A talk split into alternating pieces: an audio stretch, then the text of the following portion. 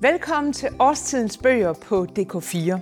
Der udkommer rigtig mange bøger i Danmark. Der ligger stakke af bøger hos boghandleren og på biblioteket. Og indimellem så kan det være svært at finde rundt imellem alle stakkene. Det er derfor, vi her på DK4 har programmet Årstidens bøger, hvor der bliver lejlighed til at høre om nogle af alle de gode bøger, og også få bogtips om en god klassiker, man kan tage fat i, og også høre nærmere om de nye børnebøger. Velkommen til programmet.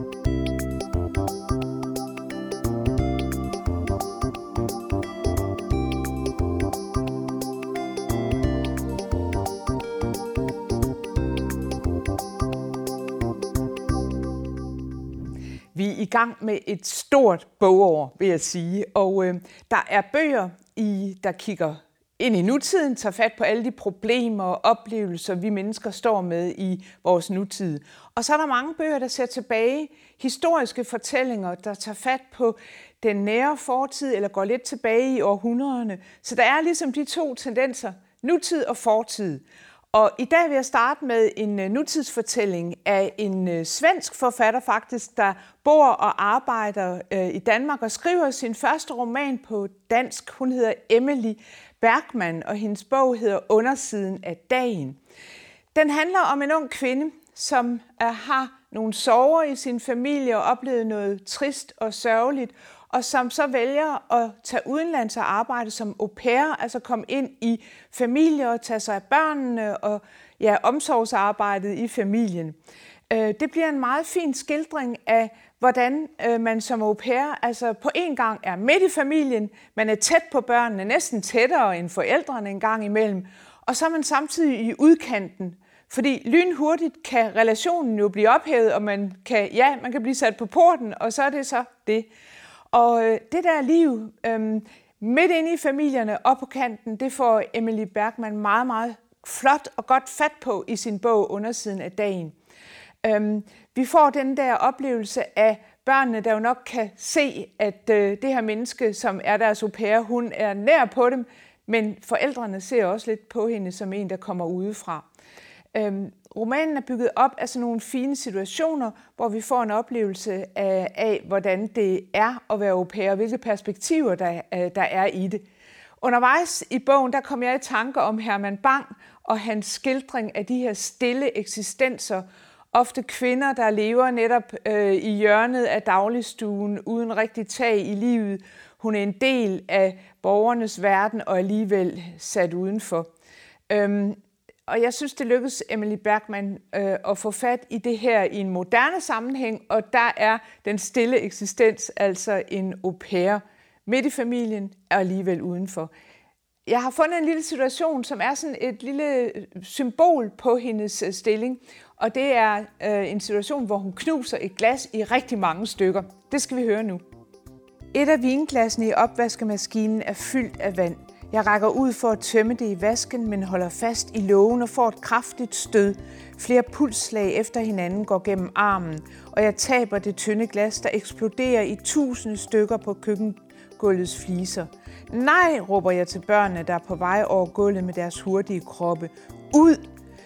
Det må have været det beskidte vand, der blev strømledende. Selve maskinen giver altid stød, hvis man samtidig rører ved vaskens metal.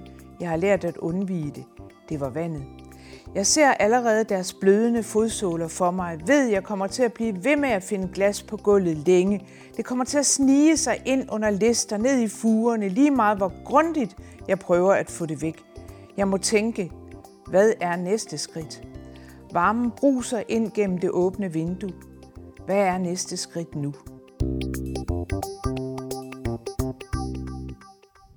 Nutidens familieliv spiller en stor rolle i den aktuelle litteratur, som her hos Emily Bergman i undersiden af dagen. Men temaet om familie og familiehistorie, det spiller altså også en meget stor rolle i den stribe af romaner, der tager fat på fortiden og fortæller os spændende historier fra fortidens liv. Det gælder Lone Hørslevs nye roman Halt i himlen, som udspiller sig i 1920'ernes København. Altså vi er 100 år tilbage i tid, og Lone Hørslev har fundet nogle spændende skæbner fra sin egen familiehistorie. Vi er tilbage i hendes oldemors generation. og der møder vi øh, to unge kvinder, Dagmar og Ellen. Øh, de lever lidt på bunden af samfundet, og deres familie er udfordret, fordi moren og broren og de to søstre der, de har mistet øh, deres far. Så de skal altså klare sig selv i øh, pisseranden i København, altså den gade, der går under det øh, flatterende navn Pisseranden, der bor de, og der skal de klare sig. Øhm, og det, øh, ja, det går altså lidt hårdt for sig, fordi øh, det er en daglig kamp øh, imod fattigdom og, øh, og imod øh, altså simpelthen ja, en fu- fuldstændig derut. Der, de to øh, piger er så så heldige, at de bliver antaget hos Ida Davidsen i den fine smørbrødsrestaurant, øh, som først er de rejepillersker, og så sidenhen bliver de smørbrødsjomfruer. Og den her restaurant er jo berømt for at have verdens længste smørbrødsseddel, og de arbejder hårdt, øh, og de øh, de øh, får altså også altså en god øhm, øh, fremgang der med at gå fra at være rejepillersker til så at blive smørbrødsjomfruer. Men der er nogle barske betingelser i den bestilling, og det er jo altså, at man må ikke være gift som kvinde, og hvis man får et barn, og et barn uden for ægteskabet, ja, så er det ud lige med det samme. Øhm, så det er altså en historie om kvindeliv i øh, 1920'erne for 100 år siden, Øhm, og det er en bog, der har fine æstetiske kvaliteter, og den er meget, meget underholdende, og værd altså at tilbringe nogle gode timer i den selskab. Øhm, jeg har fundet et lille sted, øh, hvor de to piger er på vej i Tivoli, som for dem fremstår som eventyrets have. Og øh, den måde, Lone Hørslev her fortæller på, sådan meget sansligt og farverigt, det er karakteristisk for hele hendes bog. Der kommer det lille stykke her om pigerne i Tivoli. De betalte deres entré, og så snart de var inde i haven, kom den opløftede stemning væltende imod hende, som duften af bolcher, når man åbner for et krammerhus. Smukke kvinder med klokkehatte og ræve omkring halsen, arm i arm ind mod glassalen. Det lille loppecirkus og pantomimeteater med den blågrønne påfugl. Hun havde næsten glemt, hvilket magisk og fantastisk sted det var glemt, at når man først var her, lagde ingen mærke til tørre hænder eller lapper på tøjet. Hun havde måske ikke råd til at købe et bære ymer med drys fra mælkeriet, men i det mindste kunne hun spise det hele med øjnene. Et ung par stod og skød tallerkener ned med kulørte bolde. En mand råbte, den glade abe 25 øre, og overalt hang en forførende duft af sukkeræbler, krudt og limonade. En duft af sovløshed og frihed. Hun skuede ud over eventyret. Opvask og tøjvask væk. Brunkul og plukkekød væk. Over alt var de glødende elektriske pærer i fantastiske farver og lyden af de høje vin fra rutsjebanen. Pigerne hylede op, når deres fyre vandt dem æsker med fyldte chokolader – og hele dette eventyr blandede sig med lyden af musikken fra plænen. Dagmar rakte hånden frem og åbnede den, så Ellen kunne se de to skinnende mønter. Hvor har du dem fra? Dagmar så hemmelighedsfuldt på hende.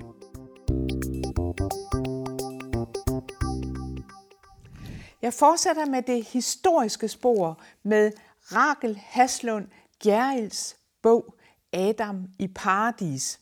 Den udspiller sig lidt før Lone Hørslevs 1920'erne, fordi vi er tilbage i 1913, hvor maleren Christian Sartmann arbejder på et stort billede Adam i paradis. Øhm, han er jo en fætteret maler på det her tidspunkt, og han er i gang med et stort værk, som han, han virkelig lægger meget, rigtig meget energi i. Der forestiller altså den nøgne Adam i paradis, han har fundet en ung, smuk mand, som han bruger som sin model, og han har fyldt sit atelier med alle mulige eksotiske planter og blomster og alt muligt, der skal omgive Adam i paradis. Sartman han er på det her tidspunkt 70 år gammel, og han øh, har også fra den her tid arbejdet med et selvportræt. Og det er jo altså, øh, spiller også en rolle i øh, romanen, fordi Rakel Haslund Gjerrild øh, lader øh, Christian Sartmann tænke om sig selv, jeg ligner en drage. Og når man ser billedet, kan man i hvert fald sige, at han har ikke forskønnet sig selv. Han har givet et sådan dybt psykologisk portræt af sin egen tilstand, altså både fysisk og, og mentalt, kan man sige. Vi kommer ind i hele miljøet omkring Christian Sartmann. Det, der er lidt spændende ved Rakel øh, Haslund Gerils roman, det er, at hun både fortæller i en sådan mere fiktiv form historien om Sartmann, og så samtidig har hun en masse dokumenter, historiske dokumenter inde, der belyser tiden og den store sædlighedsfejde, der pågår, og hele den hets, der er i gang mod de homoseksuelle. Ikke mindst Herman Bang, vi får også øh, Johannes V. Jensens fuldstændig uhyggelige angreb øh, i øh, en stor artikel på Herman Bang. Det er altså virkelig barsk læsning. Så vi er i det her miljø af kunstnere og frigjorte mennesker, og samtidig mennesker, der er altså udsat for en voldsom hets. Øh, vi kender ikke præcis øh, Sartmans seksuelle orienteringer. Der bliver heller ikke sådan direkte beskrevet noget hos øh, hos Rakel øh, Haslund Gjerrild. Men øh, hans billede af Adam i paradis, det emmer simpelthen af erotik, og også en homoerotik, kan man sige, det her portræt af den unge, nøgne mand i, øh, i paradiset. Øh, jeg synes, det er flot, hvordan øh, øh, Rakel øh, Haslund Kjærl eksperimenterer med den historiske roman. Hun tager ikke bare sådan en, en fast formel, og så udfylder hun den, som vi kender den fra den historiske romans tradition. Nej, hun eksperimenterer, hun gør noget nyt, og vi kommer altså virkelig på sporet af tiden og på sporet af denne fantastiske kunstner, øh, Christian Sartmann. Og det er jo svært. Hvordan skal man i alverden skal man fortælle om en øh, billedkunstner, der jo bruger billederne og ikke ordene, men det er jo en ordets kunst, som øh, Rakel Haslund Geril har fat i. Hun skriver, hun bruger ord og ikke billeder. Men så må hun jo prøve at antyde det ved at bruge sprogbilleder i forbindelse med, med Sartman og vise, hvor optaget han er af billederne, og hvordan han ser alt i billeder. Og det vil jeg vise et lille eksempel på her. Det kommer her med Sartman, der venter på Adam. Eftermiddagene uden Adam er lange. Timerne stabler sig oven på hinanden uden afbrydelse. Der er et ur i rummet. Det er bedst ikke at se på det. Jeg ligger her omsvøbt af solhavet inden for de fire verdenshjørner og ser på støvkornene, der vugger i luften som måger og stormfugle. Bemærker et pludseligt vejrskifte, når en sky glider fra solen. Et slør af mørke, der så igen opløses af solen. Der er hit her, hvor luften synes at være udskiftet med lyset fra det store ovenlysvindue, der fortsætter som en væg af glas. Et gennemsigtigt vandfald, filtreret grønt af palmer og bladhang. Jeg føler mig som ånden i flasken, omgivet af havgrønt, vuggende på oceanet. Inde i flasken forsvinder tusinde år som et flueliv, et gisp. Jeg tæller mine pletter i stedet. Jeg dalmatiniseres. Gule og beige og rødlige plamager. Mine lår er et landkort. Jeg har genkendt møen og en plet, der kunne ligne den iberiske halvø. Jeg rejser med fingrene fra ø til ø.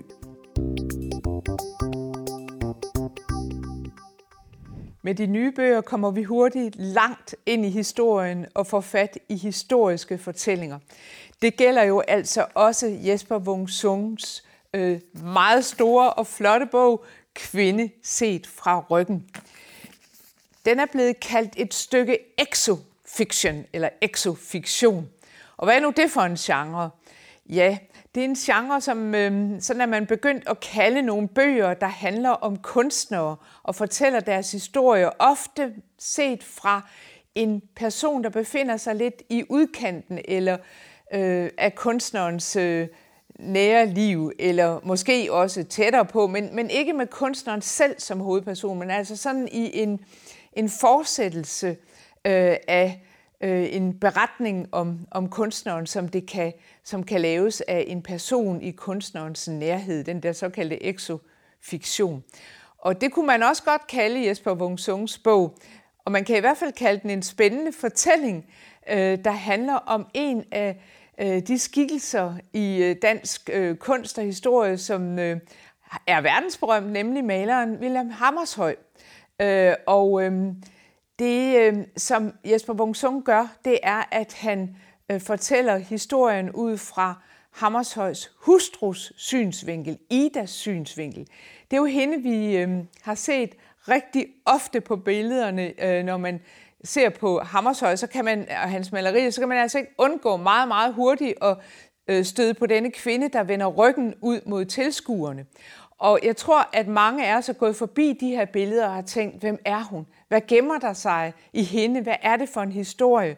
Hun ser melankolsk ud, også lidt sørgmodig, men øh, øh, hun er også meget nærværende, og øh, der er en sådan stærk erotisk glød også omkring den her øh, rygvendte kvindefigur. Og det er altså historien om Hammershøj og denne rygvendte kvinde, hans hustru Ida, som vi kommer ind i hos øh, Jesper Wungsung.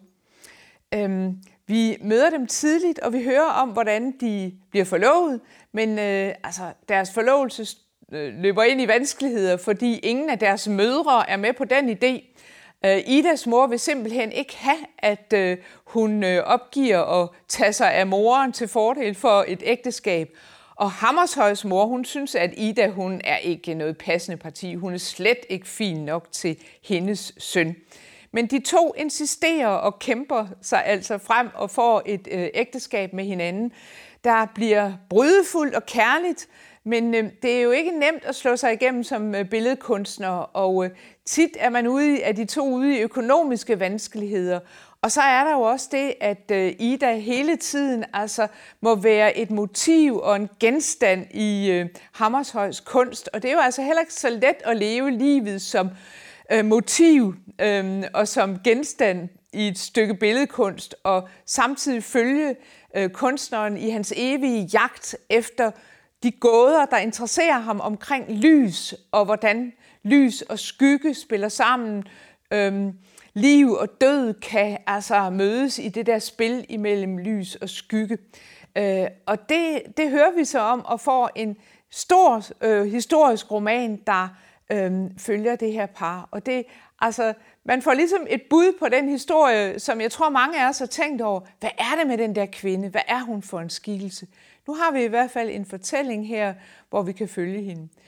Øh, jeg vil lige tage et sted frem, hvor vi oplever, hvordan Ida altså reagerer på, at hele den københavnske omverden begynder at interessere sig vildt og voldsomt for hendes nakke, fordi den kan man jo se på billederne, og den er meget smuk, og alle vil se den, og alle vil røre. Og det er jo ikke så sjovt at gå rundt i sådan, med sådan en opmærksomhed, at alle vil have gribe fat i ens nakke. Det skal vi lige høre. Hun må lægge ører til sin nakke.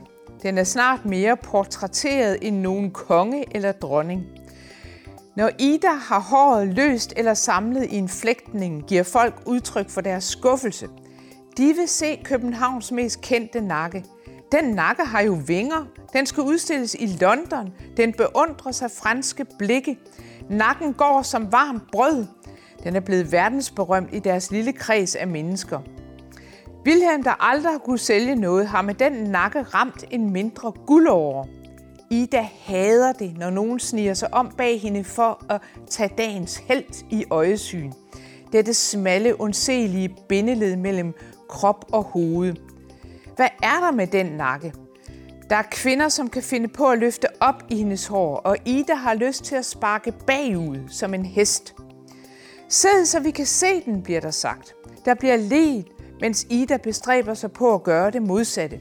Hun holder sig til væggene. Hun undgår at træde ud midt i et rum, men foretrækker at bevæge sig i en bue gennem stuen og udse sig en plads, hvor hun kan mærke tapetet med baghovedet, når hun læner sig tilbage. Din nakke må være noget ganske særligt, siger fru Sagfør Tillich til et selskab hos Karl Madsen. Det tror jeg ikke, svarer Ida, der overvejer, om de er dus på grund af selv samme nakke. De historiske fortællinger er virkelig i den aktuelle litteratur inde i en stor blomstrende periode. Men vi kan også gå lidt tilbage i tid og så finde nogle af dem, der begynder med at tage fat på den historiske roman, og måske også er inspiration for nogle af de nye forfattere. Og hermed er jeg så kommet til programmets klassiker, og det er denne gang Dorit Willumsens roman øh, Marie fra 1983. Og jeg har taget mit eget slidte eksemplar med. Det er virkelig en bog, der er blevet læst rigtig mange gange, og læst så meget, så den også er, er røget sig en tur øh, på bagklappen her. Men øh, sådan kan det jo altså gå, når man bliver glad for en bog, så læser man den næsten i laser. Øhm, og jeg, jeg ser den her bog, øh, Marie af Dorit Willemsen, som en øh, klassiker, som begyndelsen til en ny periode for den historiske roman. Den handler om en kvinde, en berømt kvinde, Marie Tussaud. Det er hende, der grundlægger et vokskabinet i London, som mange af os sikkert har været forbi. Øhm, hun øh, oplever den franske revolution og kommer så altså derefter til, til London midt i 1800-tallet og, og øh, grundlægger det her vokskabinet. Og det er en dramatisk historie, der er at fortælle om Marie Tussaud. Øh, hun starter med at komme til det franske hof i Versailles, og vi følger hende, hvordan hun øh, er med og oplever hele hoffets øh, altså dekadence og også undergangen i revolutionen. Og det er virkelig en roman, der er båret af de helt store kontraster. Altså det rige, overdådige og vilde, vildt luksuriøse liv i Versailles, og så altså revolutionens gru og strømme af blod og øh, redsler det, det får vi frem, og det er noget af det, Marie altså er, er vidne til. Og hun har jo altså, hun lærer sig det håndværk at lave voksfigurer og tage voksafstøbninger af menneskers øh, ansigter. Øhm, og altså, øhm, hun kommer jo tæt på nogle af historiens øh, store personligheder, og altså, øhm, Dorit Willemsen har en evne sådan til at skabe tabloer, så vi øh, føler, at vi står midt i det historiske sceneri, øh, og samtidig får en forbindelse til vores nutid, altså en kvinde, der kæmper for sin egen ret.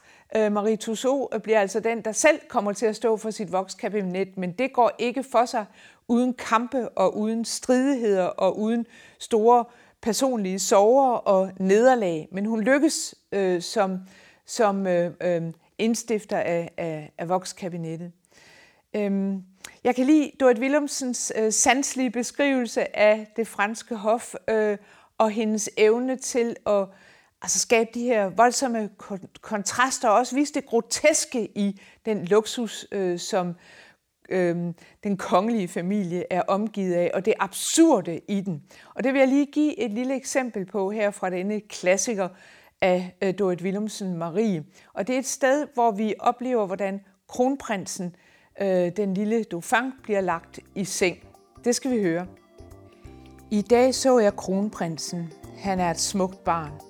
Der er noget alfaagtigt ved ham. Hans skrøbelighed og hans fint formede hænder var som et stik i hjertet. Det skyldes ikke længsel efter selv at blive mor. Det var snarere en følelse af, at et sådan væsen vi aldrig kunne fastholde i voks. Hans mund er ganske lille og rosa med en tynd streg udenom, som om naturen havde tænkt sig den større, og så pludselig fortrudt. Der var en fed krydret stank i værelset. På natbordet stod en bakke med to stegte kyllinger. Lårene, der spruttede af fedt, var meget tykkere end barnets. De hårdkogte æg var større end hans fødder. En terrin med dampende bouillon og to flasker bourgogne stod sig med små hænder når som helst kunne række ud efter det.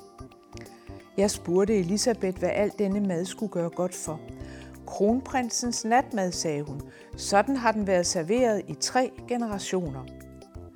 Armen ventede ikke til vi var gået med at gnaske kyllingen i sig. Hun skyllede efter med store slurke af bourgogneflasken. Kronprinsens unge tjenere spillede bold med æggene. Det var Dorit Willumsens beskrivelse af den lille kronprins og hans natmad.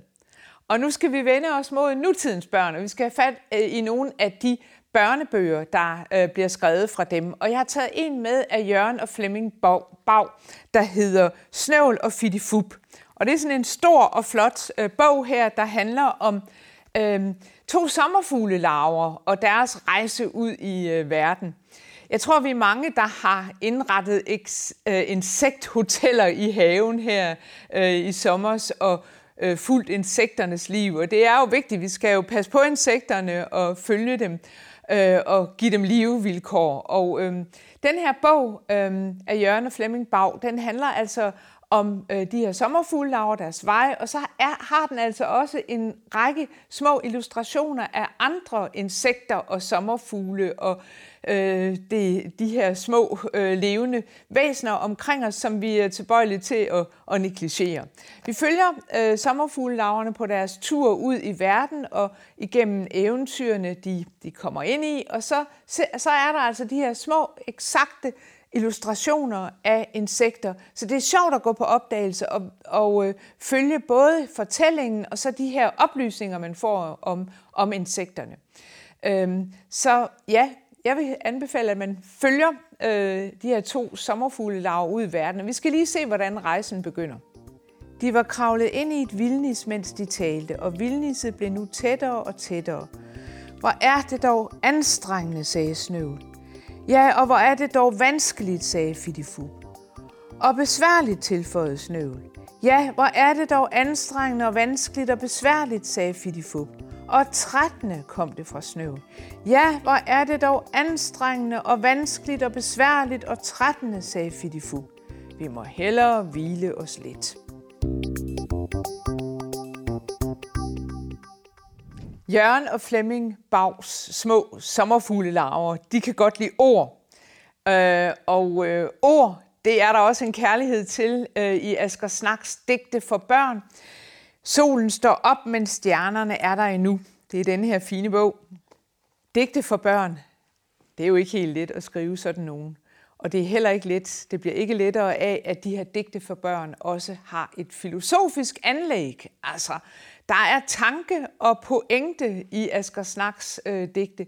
Og hvis man skal skrive sådan nogle digte for børn, så skal man altså være en pokkersko digter. Men øh, sådan er det jo også med Asger Snak. Han har føling med ordene, og derfor så kan det lykkes ham at skrive på en gang helt enkelt, så det ikke er svært at følge med, og samtidig så opdager man, hov, her fik jeg altså noget mere med, her fik jeg en tanke, her fik jeg en filosofisk pointe, og den kan jeg blive ved med at, at tænke over. Øhm, jeg tror, at noget af det, som kendetegner øh, børns oplevelse af verden, det er også en oplevelse af tid. Børn kan føle, at tiden går ufattelig langsomt. De kan også opleve, at den går hurtigt, men jeg tror egentlig det der med, hvor langsomt tiden går, og hvor lang tid der er til, at ens kammerat eller ven kommer på besøg, eller mormor dukker op, eller hvad det nu er. Altså, det er så lang tid, der er til det. Og, og den der tidsoplevelse, den får Asger Snak altså frem i flere af sine digte. Og øhm, ja, det vil jeg vise et eksempel på. Her kommer et digt om tid. Der findes to slags tid. Hurtig tid og langsom tid. Tid, der forsvinder på et øjeblik, og tid, der ikke kan se at få taget sig sammen til at gå. Den hurtige tid er grøn og hvid. Den langsomme tid er rød og blå, der flyder sammen til en dybt violet, som dunker forbi i baghovedet. Nu har jeg brugt tid sammen med jer her i årstidens øh, bøger, og vi skal til at slutte. Tag nu fat i bøgerne, grib dem og nyd dem. Tak for i dag.